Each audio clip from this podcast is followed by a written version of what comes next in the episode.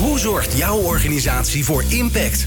Wat betekenen jullie voor de samenleving? Bedrijven hebben de kracht om maatschappelijke vraagstukken op te lossen. Zo zorgen zij voor winst op alle vlakken. In Impact hoor je leiders en experts over duurzaamheid, MVO, circulaire economie en natuurlijk Impact met Glenn van der Burg. In 2050 heeft Nederland, en volgens mij zelfs heel de EU, een circulaire economie. Dat is prachtig toch? Alles wat we produceren is herbruikt en wordt herbruikt en er gaat niets meer verloren. Afval bestaat dan echt niet meer. En terecht, want de circulaire economie is niet alleen belangrijk om dat afval te reduceren, maar ook een voorwaarde om een belangrijk deel van onder meer de afgesproken CO2-reductie voor elkaar te krijgen. Hoe kan het dan dat circulaire ondernemers hun financiering vaak niet rondkrijgen? Financiële instellingen halen hun businessplannen door hun risicomodellen en dan, helaas, te veel risico. Dus geen lening en geen nieuwe innovatie. Waarom is dat zo? Hoe wordt er naar die risico's gekeken? En natuurlijk, want daarvoor zijn we hier, eh, hoe kan het anders? De drie experts waarvan ik hoop dat we vandaag even een flinke doorbraak kunnen uh, organiseren. Sander van Wijk is de gast, voorzitter van de Groenbank van ABN AMRO. Mark Overman, hij is uh, coördinator Circular Economy op het ministerie van Infrastructuur en Waterstaat. En Yvonne Lang is de gast en zij is mijn co-host, program developer Circular Economy bij Circle Movement. En deze podcast maken we ook samen met diezelfde Circle Movement vanaf Terschelling tijdens Springtijd 2023, het jaarlijkse forum waarin we samenwerkingen smeden en krachten bundelen om de wereld te verduurzamen. Fijn dat jullie er allemaal zijn. Ja, ik vind het. Uh, uh, vooraf dacht ik, oh, risicomodellen. Oh, ja, dat, dat, dat swingt niet echt, niet echt rock'n'roll. En toch vind ik het superleuk, want dit is nou echt zo'n heel concreet onderdeel. wat ons volgens mij in de weg zit. Dus laten we maar even beginnen, zodat iedereen snapt hoe het werkt. Uh, Sander, ja, het is jouw vak je, je wil een lening, je wil, je wil aan geld komen om te innoveren, om een business te starten of om een business uit te breiden. Hoe, hoe kijken banken daar dan naar? Hoe werkt dat met zo'n risicomodel? Uh, nou, feitelijk, als je kijkt naar een risicomodel, is eigenlijk de principiële vraag: gaat de bank zijn geld terugkrijgen? Dat is eigenlijk de basale vraag die je met zo'n model beantwoord wilt zien. Ja, geen gekke vraag. Geen gekke vraag. Heel belangrijk. En zeker voor banken. Want uiteindelijk zijn wij hoeder van het spaargeld van de gemiddelde Nederlander. Dus het is goed dat wij die modellen ook strak hebben staan. Dat we ook zeker weten dat het geld ook terug gaat komen. Maar daar zit natuurlijk voor de circulaire economie ook juist een hele grote uitdaging. Omdat wij zo immens verslaafd zijn aan die lineaire economie. En dat is ook goed om te onderkennen als we het over dit onderwerp hebben. Is het eigenlijk een soort nou, labmiddel, zeg maar, om die circulaire economie te koppelen aan de lineaire economie.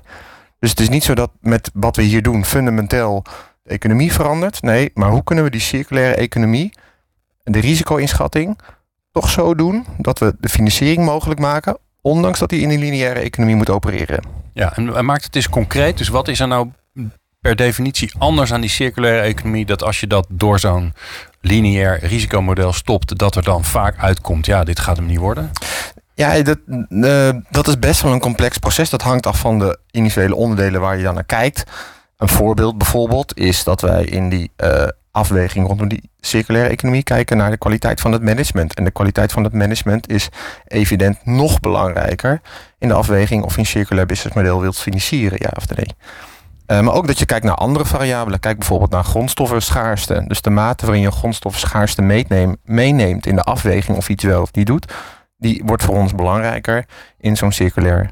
Uh, ja, sterker nog, misschien zit hij wel te weinig in het bestaande risicomodel. Want eh, ja, de circulaire economie is een oplossing juist toch van die grondstoffenschaarste. Van het feit dat we vaak de grondstoffen uit landen moeten komen die niet zo heel erg stabiel zijn in een politieke situatie.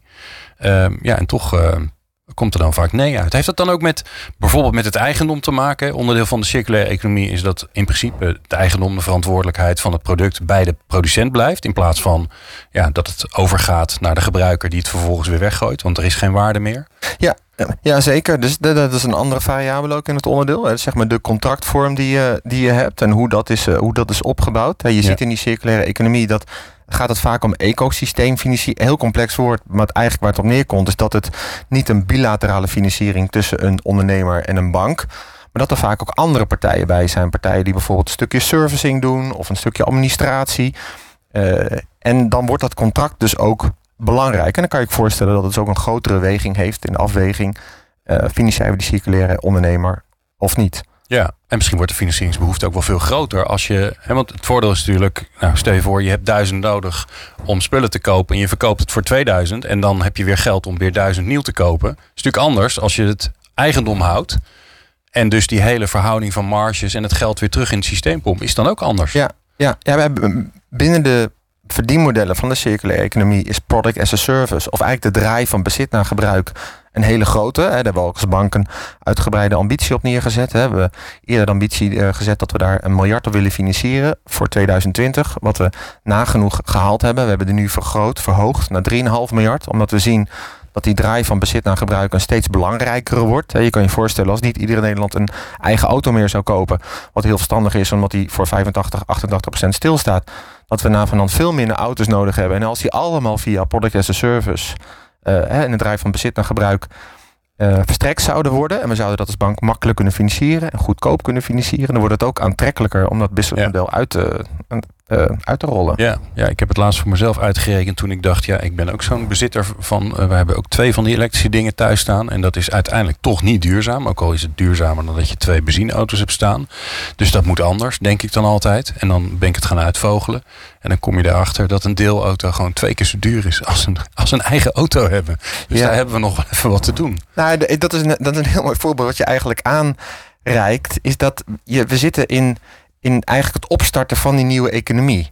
En we hadden het net over, we zijn verslaafd in lineaire, uh, lineaire economie. Dat businessmodel moet dus nu draaien in de lineaire economie met allerlei kosten, uh, terugverdientijd, looptijden. Ja, dat maakt het allemaal niet aantrekkelijk. Dus dat moeten we aantrekkelijker maken. Want uiteindelijk weten we allemaal, denk ik wel, ook vanuit logische redeneren, dat het wel de juiste en uiteindelijk daarmee ook de betere en goedkopere oplossing moet zijn. Ja, en Mark, dan, dan komt er heel vaak in dit soort gesprekken, eh, komt dan vervolgens zegt iemand, ja, de overheid, die moet dan iets gaan doen om te zorgen dat dat, ja, dat, dat weer of gestimuleerd wordt of dat er andere belastingen komen.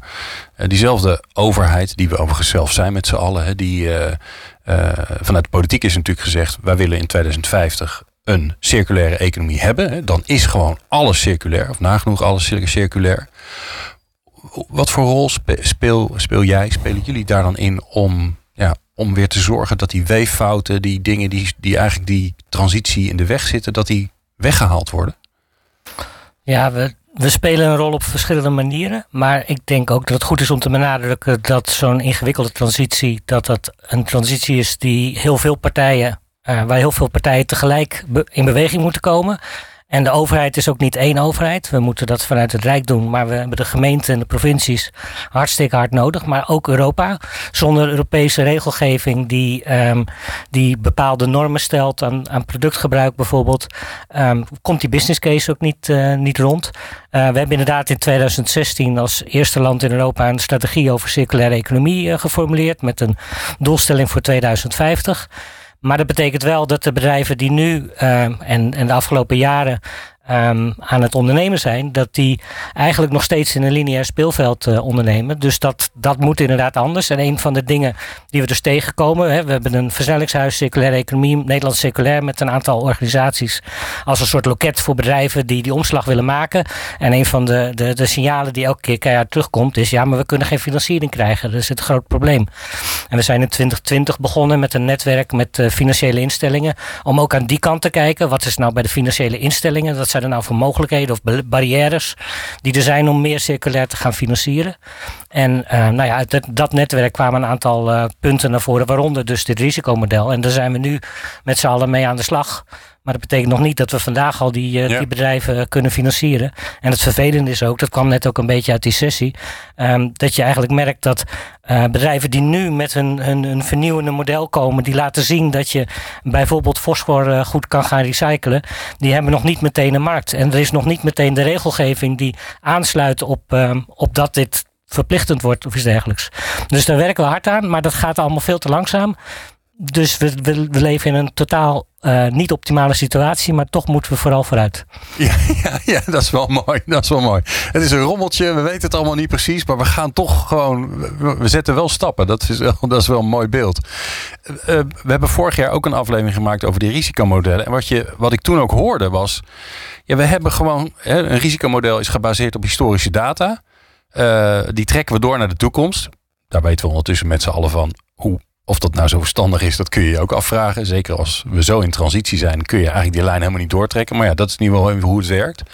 Maar die data over die circulaire economie, die hebben we ook gewoon niet. Dus waar baseer je het dan op? Dus hoe lossen we dat dan op? Ja, eh, een hele terechte vraag. Want je wil natuurlijk gewoon nu acuut daarmee starten. Uh, en om een model te kunnen gebruiken als bank moet je grofweg tussen de vijf en zeven jaar gebruikservaring hebben. Moet je toetsen. Hè, klopt de uitkomst van, en van het model. wie moet je dat? Dat uh, valt onder Basel 2. Oh, ja, okay. Wetgeving. Dus dat is niet Nederlands, maar dat is gewoon Europees. En, en, moet, dat, moet dat kloppen? En als het dan getoetst, gevalideerd is, dan mag je het implementeren en dan nou, rolt het door in de bank. Daar hebben we wel een oplossing voor gevonden. Want ik, eh, absoluut, hè, er gebeurt heel veel. En het, af en toe is het, is, is het chaos. Maar in die chaos moet je gewoon instappen. Moet je gewoon een structuur inbouwen. En nou ja, voortbedurend op wat Mark ook net zei. Ik denk dat het heel goed is dat we dat op een niet competitieve manier doen. Dus we zitten met de banken om tafel, met het ministerie, met InvestNL. Allemaal uh, open kaart. Hoe gaan we dat doen? Wat vinden wij belangrijk? Zodat je ook transparantie richting de Nederlandse economie kan geven. Mijn hoop is dat de circulaire economie nog steeds een heel mooi exportproduct kan zijn. Duurzaamheid aan zich. Hè. De, zie het als de nieuwe deltawerker van Nederland. En als je dat model dan straks hebt, hè, dat was je oorspronkelijke vraag, hoe gaan we dat dan gebruiken? Ja. Dus wat we nu gaan doen straks, is na de toetsing dat ook laten schaduw draaien. Dus wat je eigenlijk krijgt, is dat partijen gewoon door het reguliere risicomodel gaan, maar ook door het circulaire risicomodel. En dat je de verschillen gaat zien. Je moet gewoon daarmee starten, daarmee die data gaan, data gaan opbouwen. En waar we ook naar kijken is, uh, want daar hebben we natuurlijk wel een C in. Je kan binnen dat risicomodel, wat we nu al gebruiken, wel wat twisten en tweaken. Dus je kan een, ja, een soort manual override heet dat dan, een soort uh, uh, voordeel geven. Dat we ook willen kijken, nou, als hij nou positief komt uit zo'n risicomodel, mag je dan toch een bestaande risicomodel niet een soort van override toepassen, zodat je wel die voordelen al eraan kan toevoegen. En dat willen we eigenlijk zelf ook graag, want dat zijn natuurlijk wel de ondernemers van de toekomst. Dus dit zijn ja. de mensen die je moet helpen, moet steunen, uh, om in die chaos toch proberen, als helemaal kleine stapjes, vooruit te komen. Mark? Ja, één punt over die data, wat wel een hele mooie ontwikkeling is, is uh, ik noemde al de Europese overheid. Um, de, deze huidige commissie heeft als eerste eigenlijk een heel pakket over sustainable finance, over duurzame financiering neergelegd, waarbij Um, een belangrijke factor is dat nu bedrijven verplicht gaan worden om te rapporteren over hun duurzaamheid. Er zijn allerlei standaarden voor ontwikkeld. Vanaf uh, binnenkort volgend jaar uh, moet dat allemaal uh, gemeten gaan worden. En uh, financiële instellingen die moeten ook uh, gaan rapporteren over de duurzaamheid van een portefeuille. Dus dit soort ontwikkelingen gaan wel helpen om die data, um, uh, die data los te krijgen. Maar, um, maar het blijft nou ja. vijf tot zeven jaar. In die tijd, kijk, ik, ik nee, reken gewoon simpel in mijn hoofd. Als 2050 de boel klaar moet zijn en 2030 moeten we op 50% zitten, zeg ik even in mijn hoofd. Maar dat weten jullie vast beter dan ik. Um, ja, reken maar uit, vijf tot zeven jaar vanaf nu. zijn we al bijna in 2030. Dus dat duurt gewoon te lang. Toch? Ja, dus we hebben prachtige wetgeving gemaakt vanuit Basel, de Basel-wetgeving eh, na de financiële crisis eh, volgens mij gedaan. Om te zorgen dat het allemaal robuuster en stabieler werd allemaal. En nu ja, draait het zich om en bijt het ons daar waar we niet gebeten willen worden. Ja, als je het, als je het hebt over het risicomodel aan zich. Maar dat, dat wat ik eerder zei, hè, dus dat risicomodel is eigenlijk als je het... Het is bijna een soort van labmiddel om het te laten werken voor de lineaire economie. Maar wat je daarnaast dus ook moet doen is dat je ook het, het fundament ook moet aanpassen. Dus het is een, een deeloplossing. He, dus ja. de, uh, uh, net zoals de overheid en daar. Ik ben zelf een groot voorstander van het hele ex-tax gedachtegoed. Hè, dat je op systeemniveau gaat draaien van belasting op uh, van arbeid naar grondstoffen. Dus hè, dat je op systeemniveau daar wat verandering gaat, gaat krijgen. Maar ook systematisch op bankenlandschap. Je ziet in die EU-taxonomie dat groene assets straks zwaarder, als je het zomaar zegt, belast gaan worden. Dus dat je meer kapitaal voor moet gaan aanhouden. En duurzame assets minder. Dus dan ga je op bankniveau ook een ander uh, ja, landschap neerzetten. Yeah. Uh, dus dan heb je overheid, bedrijfsleven, uh, de financials, maar ook de consument. Hè, die moet er ook in mee. Daar moeten we ook het gedrag zien te, zien te veranderen. En als je die gelaagdheid aanbrengt en je zet daar een risicomodel in, en dan voel je ook wel dat dat exponentieel zijn effect gaat ja. uh, hebben. Dus het is en, en, en, en. Ja, Yvonne? Ja, precies. Ja, volgens mij is dat een, een discussie die je vaker in systeemverandering terug uh, ziet komen. Van gaan we nou zorgen dat het systeem. Gaan we voor een heel nieuw systeem? Of gaan we van binnenuit het systeem proberen te veranderen? En volgens Evolutie mij, of revolutie? Precies. Kom, volgens mij komt dat hier ook in terug. Hè? Ik hoorde je ook net in de sessie zeggen, Sander. Ja, het end blijft misschien met, met de oplossing waar we nu aan werken, met nieuw risicomodel, ook een beetje pleisters plakken. Proberen we ook een beetje een vierkantje door een rondje te, te duwen. Um, maar ik was ook wel benieuwd, want jullie zijn wel van de 40 risicofactoren um, die, die mogelijk zijn, zijn jullie ook al tot zes best wel belangrijke risicofactoren gekomen. Kunnen jullie zijn er allebei bij betrokken, weet ik. Kunnen jullie daar iets meer over uitleggen? Want uh, dat, is, dat maakt het lekker concreet. Uh, ja, ja, ja, zeker. Uh, en er zijn het een aantal zijn natuurlijk al voorbij gekomen. Hè. We, we, zijn in het begin al. Want er zijn een aantal die hebben ook echt nog wel betrekking op de lineaire economie. En er zijn er ook een paar die hebben echt betrekking ook op de circulaire economie. we noemen er al eentje, zeg maar, het belang van het management dat is een hele belangrijke. Die zit ook in onze risicomodellen voor de lineaire economie, maar die is navenant gewoon belangrijker. Uh, en daar stel je ook andere vragen. Hè. Dan gaat het niet alleen om diversiteit, maar dan gaat het ook om uh, een achtergrond, uh, kennis rondom innovatie.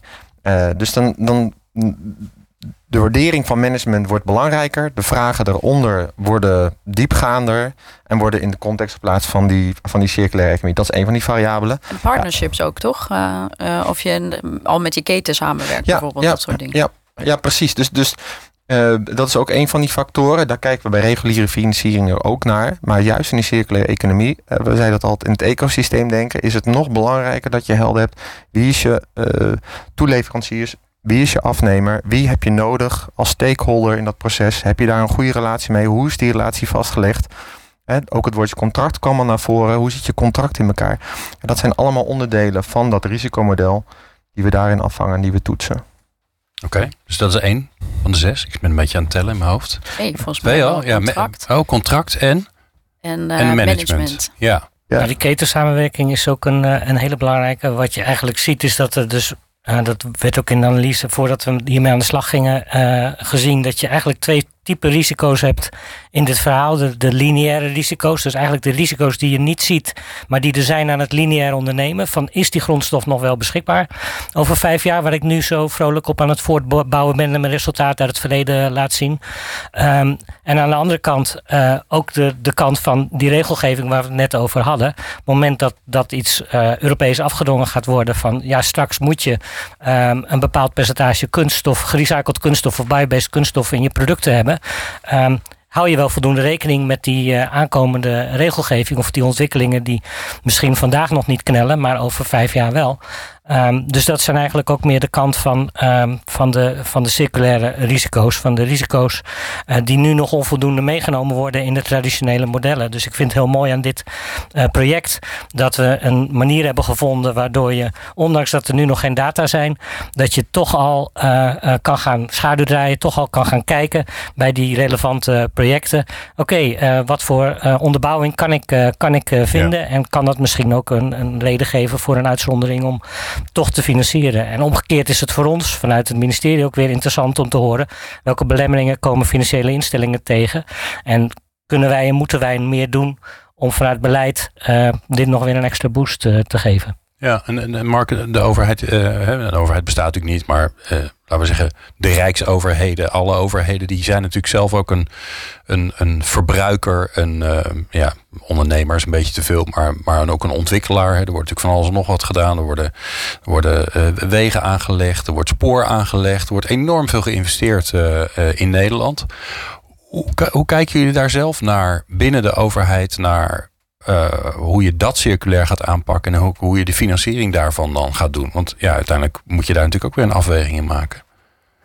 Ja, er gebeuren ook heel veel dingen. En um, een van de initiatieven waar ons team uh, vanuit onze directie bij betrokken is, is uh, uh, maatschappelijk verantwoord opdrachtgeverschap en inkoop.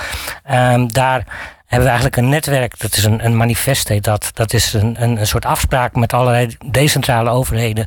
Van wij willen meer naar dat duurzaam inkopen, waarvan circulair inkopen een heel belangrijk eh, aspect is. En het begint met, met die ambitie. En dat, dat, dat gaat ook over allerlei concrete tools van allerlei concrete sectoren en productgroepen waar je gewoon van moet weten van oké, ik ben als inkoper, weet ik niet wat, wat is er op de markt verkrijgbaar en hoe kan ik nou die, die volgende stap nemen. En hoe kan ik ook bijvoorbeeld die, um, die winst, doordat een product misschien wel iets duurder is, maar langer meegaat, hoe kan ik dat uh, al in mijn uh, business case verwerken.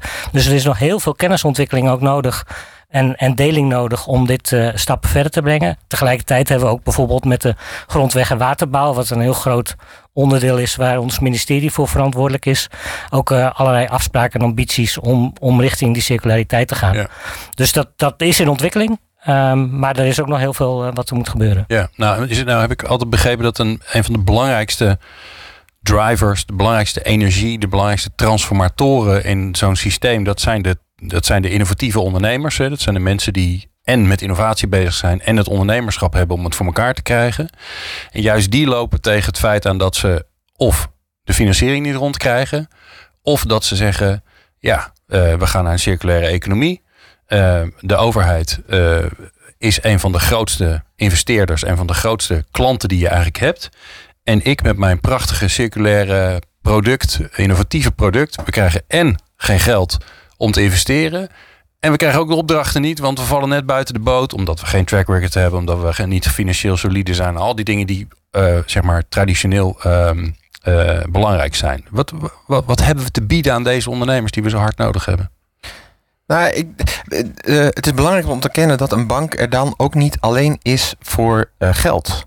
Okay. Maar dat de bank ook, banken, en zeker ook hoe we het in deze opstelling ook doen, dat we het met elkaar uh, aanpakken. Niet alleen als het gaat om het geven van, van het geld, maar ook het ondersteunen in het zorgen van, weet je, hoe, hoe, hoe zet je nou zo'n product as a service bedrijf op? Hè? Ook wij hebben binnen, uh, binnen, binnen ABN AMRO, maar het hebben de andere banken ook, ook gewoon specialisten zitten die ondernemers daarop helpen, daarop, ja. daarop, daarop ondersteunen. Om het makkelijk te maken en vanaf het begin daar al ook over mee te denken. Zodat als je het businessmodel neerzet, het straks ook beter financierbaar is. Want vaak, dat zie je ook wel terug, dat is ook een van de zaken die speelt, is financiering vaak een soort van sluitstuk van het geheel. Hè. Een ondernemer heeft het idee, die gaat het uitwerken en dan heel plan. En dan is uh, de laatste twee pagina's is zeg maar hoe ga ik dat gefinancierd krijgen. Ja. Dus daarin eerder aan tafel komen, meegaan, ook weer vanuit het ecosysteem denken. Dus onderdeel zijn van het bouwen van zo'n onderneming. Dat is ook de rol en de taak uh, van ondernemen. En ik moet ook zeggen, dat, dat vind ik ook het mooie aan dit initiatief. Daar, zijn we, daar lopen in Nederland ook echt in, in voorop. Hè, dat we dat niet uh, competitief doen. Dus niet alle banken voor zichzelf. Maar het is echt met open kaart. Dus we gaan het model gaan we ook integraal open op het internet zetten. Dus je kan straks ook zien welke variabelen daar een rol spelen. Dan kan je zeggen, ja, daar gaan mensen een plan omheen schrijven. Nee, we gaan het gewoon delen. Maar hoe erg is dat? Toch? Als jij in je, in je, in je business, in je ontwikkeling van je businessplan rekening houdt met het feit hoe je financiering kan krijgen, is toch niet zo gek, zolang het maar de goede kant op gaat. Nou, en dat is precies de reden waarom we dat nu ook willen doen. Uh, ja. Je gaat eigenlijk een, ja, een, een keuken kijk je in de, in de, onder de motorkap geven van de bank hoe dat, uh, hoe dat werkt. Ja. Het is niet meer de deur dicht, nee, de deur staan open. Uh, en, da en daar gaan we ook van leren. Want ja, weet je, hoe erg is dat? Het is, het is natuurlijk wel zo dat ja, we zijn daar nog wel in zoeken. Dus het zal nog niet de absolute waarheid zijn. Dus misschien gaan er dingen ook wel niet altijd even goed en mis. Ja, ja daar houden we natuurlijk niet, niet heel erg uh, van. Nee, uh, het hoort er wel bij. En het hoort er wel bij. Ja. Dus vallen en opstaan. Ja, nou ja, volgens mij heb jij het eerder gehad uh, ook over een soort van driehoek, Sander. Uh, tussen uh, winst en risico en, en, duurzaamheid, die dan nu als nieuw element bij komt. En de boel in de war schot. Ja, een beetje, ja. Nou, en, dat, en daar zit dat ook dat kijkje, inkijkje geven. Dat is ook een belangrijke. Ja, dat, dat wij als bank ook laten zien wat onze dilemma's daarbij zijn. Hè? Zodat je ook uh, voor andere mensen wat voorspelbaarder wordt. En, en dat, dat zit hem vooral uh, op dat onderdeel. Dat traditioneel banken kijken natuurlijk wat is de winst. Uh, rendementsverhouding. Hè? Dus een spanning tussen winst en risico. Dus meer risico nemen betekent meer winst. En er is dat element duurzaamheid is eraan, is eraan toegevoegd. En wat je eigenlijk ziet is dat op die driehoek hè, tussen, tussen winst, risico en duurzaamheid, dat het heel lastig is om twee van die onderdelen tegelijk te laten verschuiven. Dus bijvoorbeeld als je zegt, wij willen ons uh, risico verkleinen, Ja, dan moet je bij wijze van spreken niet beginnen met duurzaamheid, want dan vergroot je het risico. Dus dat, en dat, als je dat zegt, denk ik, en dat klopt toch niet? Want als we naar een circulaire economie in 2050 gaan, dan is alles wat je nu lineair doet, per definitie een heel groot risico.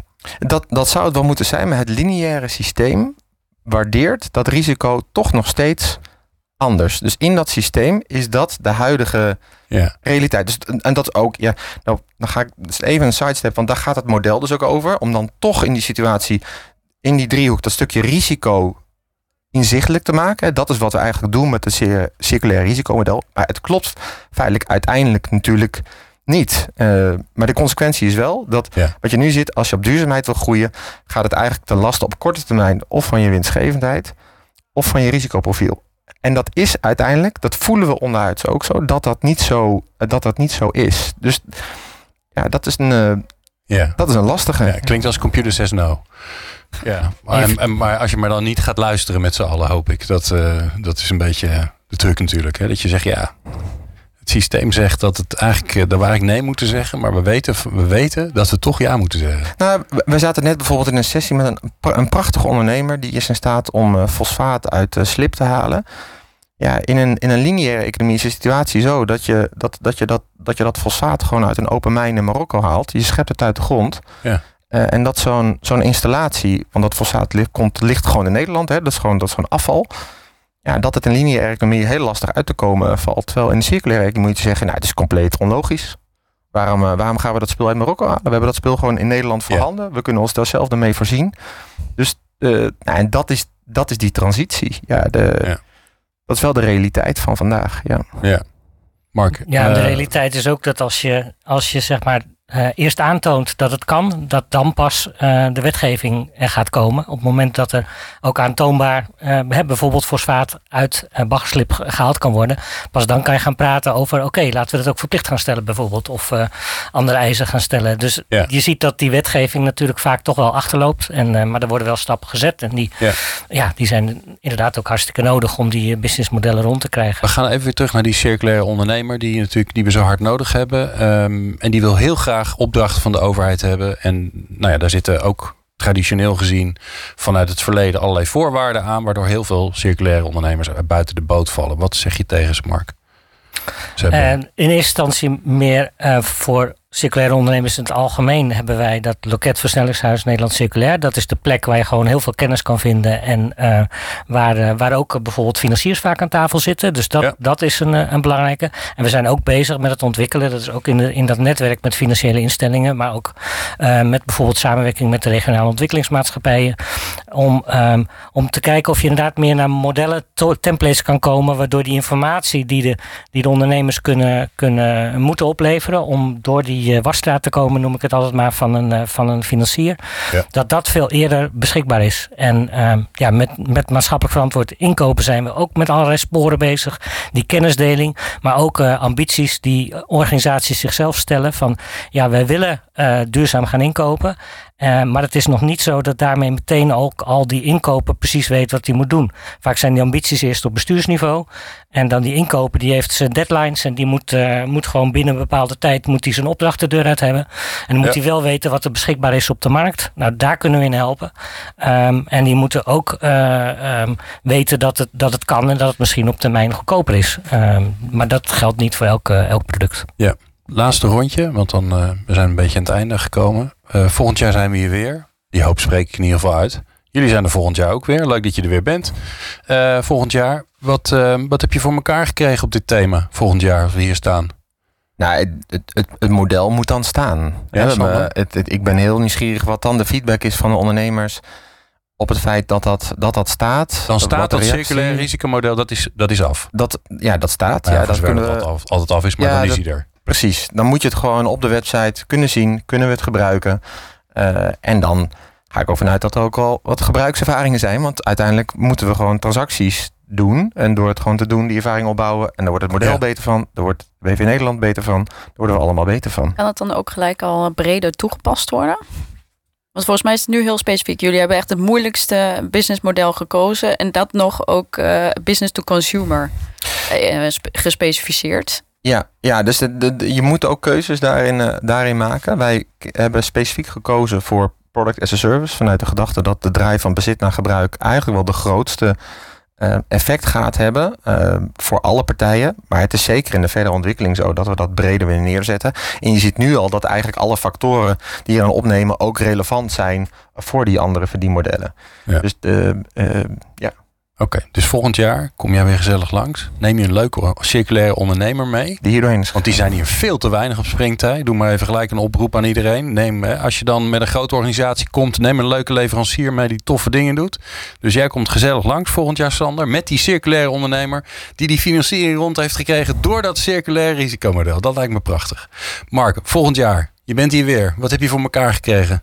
Nou ja, ik hoop dat er dan een uh, prachtig nieuw uh, regeerakkoord ligt met een, uh, een hogere ambitie nog op, op circulair. En, en, circulariteit is voor mij ook niet. Maar dat lijkt me voor heel, jou een heel lijkt, ander onderwerp. Lijkt me voor jou een beetje, een beetje, een beetje veel invloed. Of krijg je dat voor hey, elkaar? Die, die invloed die heb ik zeker niet. Nee, maar jij zelf, wij, wat wij, wil je zelf hebben, voor elkaar krijgen? Nou, wij, wij hebben dus wel, wij organiseren, ik help ook zelf organiseren het gesprek tussen de directeuren van de financiële instellingen, het Rijk, andere partijen. En wij willen van, van de financiële instellingen horen van wat, wat moet er aan onze kant gebeuren als jullie nog steeds niet in slagen om die, jullie eigen ambitie met meer financieren van, uh, van circulaire bedrijven voor elkaar te krijgen. Okay. Dus ik hoop dat die input die we bijvoorbeeld volgende maand willen gaan ophalen, dat dat, dat, dat gaat helpen om bijvoorbeeld zo'n regeerakkoord te vullen. Of als er door een bewindspersoon vraagt, ja maar wat kunnen we nou nog extra doen? Nou, dan hebben we antwoorden liggen. En we hebben ook al laten zien met onze werkgroep wat, er, wat we al wel kunnen. En uh, nou ja, volgende stappen en meer, meer ondernemers gefinancierd en minder ondernemers gefrustreerd. Kijk, heel goed. Hoe gelijker is dan het speelveld al volgend jaar, volgens jou, als dat lukt? Nou ja, het punt is, ik ben al heel blij als er inderdaad een regeerakkoord en, en, en een, een ambitie bij de financiële sector nog allemaal een stapje hoger is. Maar dat betekent niet dat op dat moment al het, uh, gelijk, uh, het speelveld gelijk is. Uh, maar het is wel zo dat we, dat we door, hè, we hebben het zelf vaak over, je moet stimuleren, je moet beprijzen en je moet normeren. Dat je met die, dat drie type instrumenten vanuit de overheid ook nog een extra boost geeft om te zorgen dat dat speelveld wel gelijk wordt. En nee, sterker nog, dat het niet meer het gelijke speelveld wordt, maar dat circulariteit het nieuwe normaal wordt. En Ja. uh, dat het dus moeilijker wordt om lineair te ondernemen. Ja. Mooi. Yvonne, wat heb je gehoord? Ja. Doe er eens een strik omheen. Ja, nou, oeh. Ja, gewoon even gewoon met, met een paar woorden. Hè? Nee, Wat, ik wat, dacht dat jij eerst nog ging zingen, maar misschien... eh, voor jou, niet. omdat je jarig bent. Doe ik straks als de microfoon uit is. nou ja, ik heb, eh, eh, ik heb gehoord dat we, dat we toch onderweg zijn. Ehm. En dat, eh, dat stemt mij wel eh, hoopvol. Ik heb vandaag ook eh, nog een keertje over nagedacht dat het, ja, het gaat hier ook over tijd. En ook over durven. Ehm, en als je kijkt naar tijd, dan moet je soms versnellen en soms vertragen. En dat vertragen doe je door er dieper in te duiken. En ik heb nu het idee dat we hebben heel lang geroepen, risicomodellen zijn, de- dat is een beetje de holy grail. Als je dat, als je dat kan fixen, dan, eh, dan, dan kan er in één klap heel veel gebeuren voor die circulaire ondernemers. En ik heb het idee dat er nu heel veel op gebeurt en dat dat steeds concreter wordt. Dus misschien duurt het nog heel even tot volgend Hm. jaar. Maar dan hebben we ook echt iets in handen waar we, waar we sneller mee verder kunnen. Ja. En is het dan een beetje, hè, want we hebben hier Carlijn Kingma gehad met haar waterwerk, dit hele geldsysteem, dat er, als we die, die risicomodellen gefixt hebben, dat we er een soort prop uit die, uit die, die leiding trekken en dan Ja. dat het water er weer de betere kant op gaat stromen. Ja, een dat beetje stroomt. dat beeld. Ja. Alright, nou, eh, volgend jaar eh, hoort u het weer of het voor elkaar is gekomen. En ik heb alle vertrouwen in. Sander van Wijk heb je gehoord van eh, de Groenbank van ABN AMRO. Mark Overman van het ministerie van Infrastructuur en Waterstaat. En Yvonne Lang was mijn fijne co-host van de Circle Movement. Fijn dat je hebt geluisterd. Meer afleveringen van Impact vind je op impact.radio.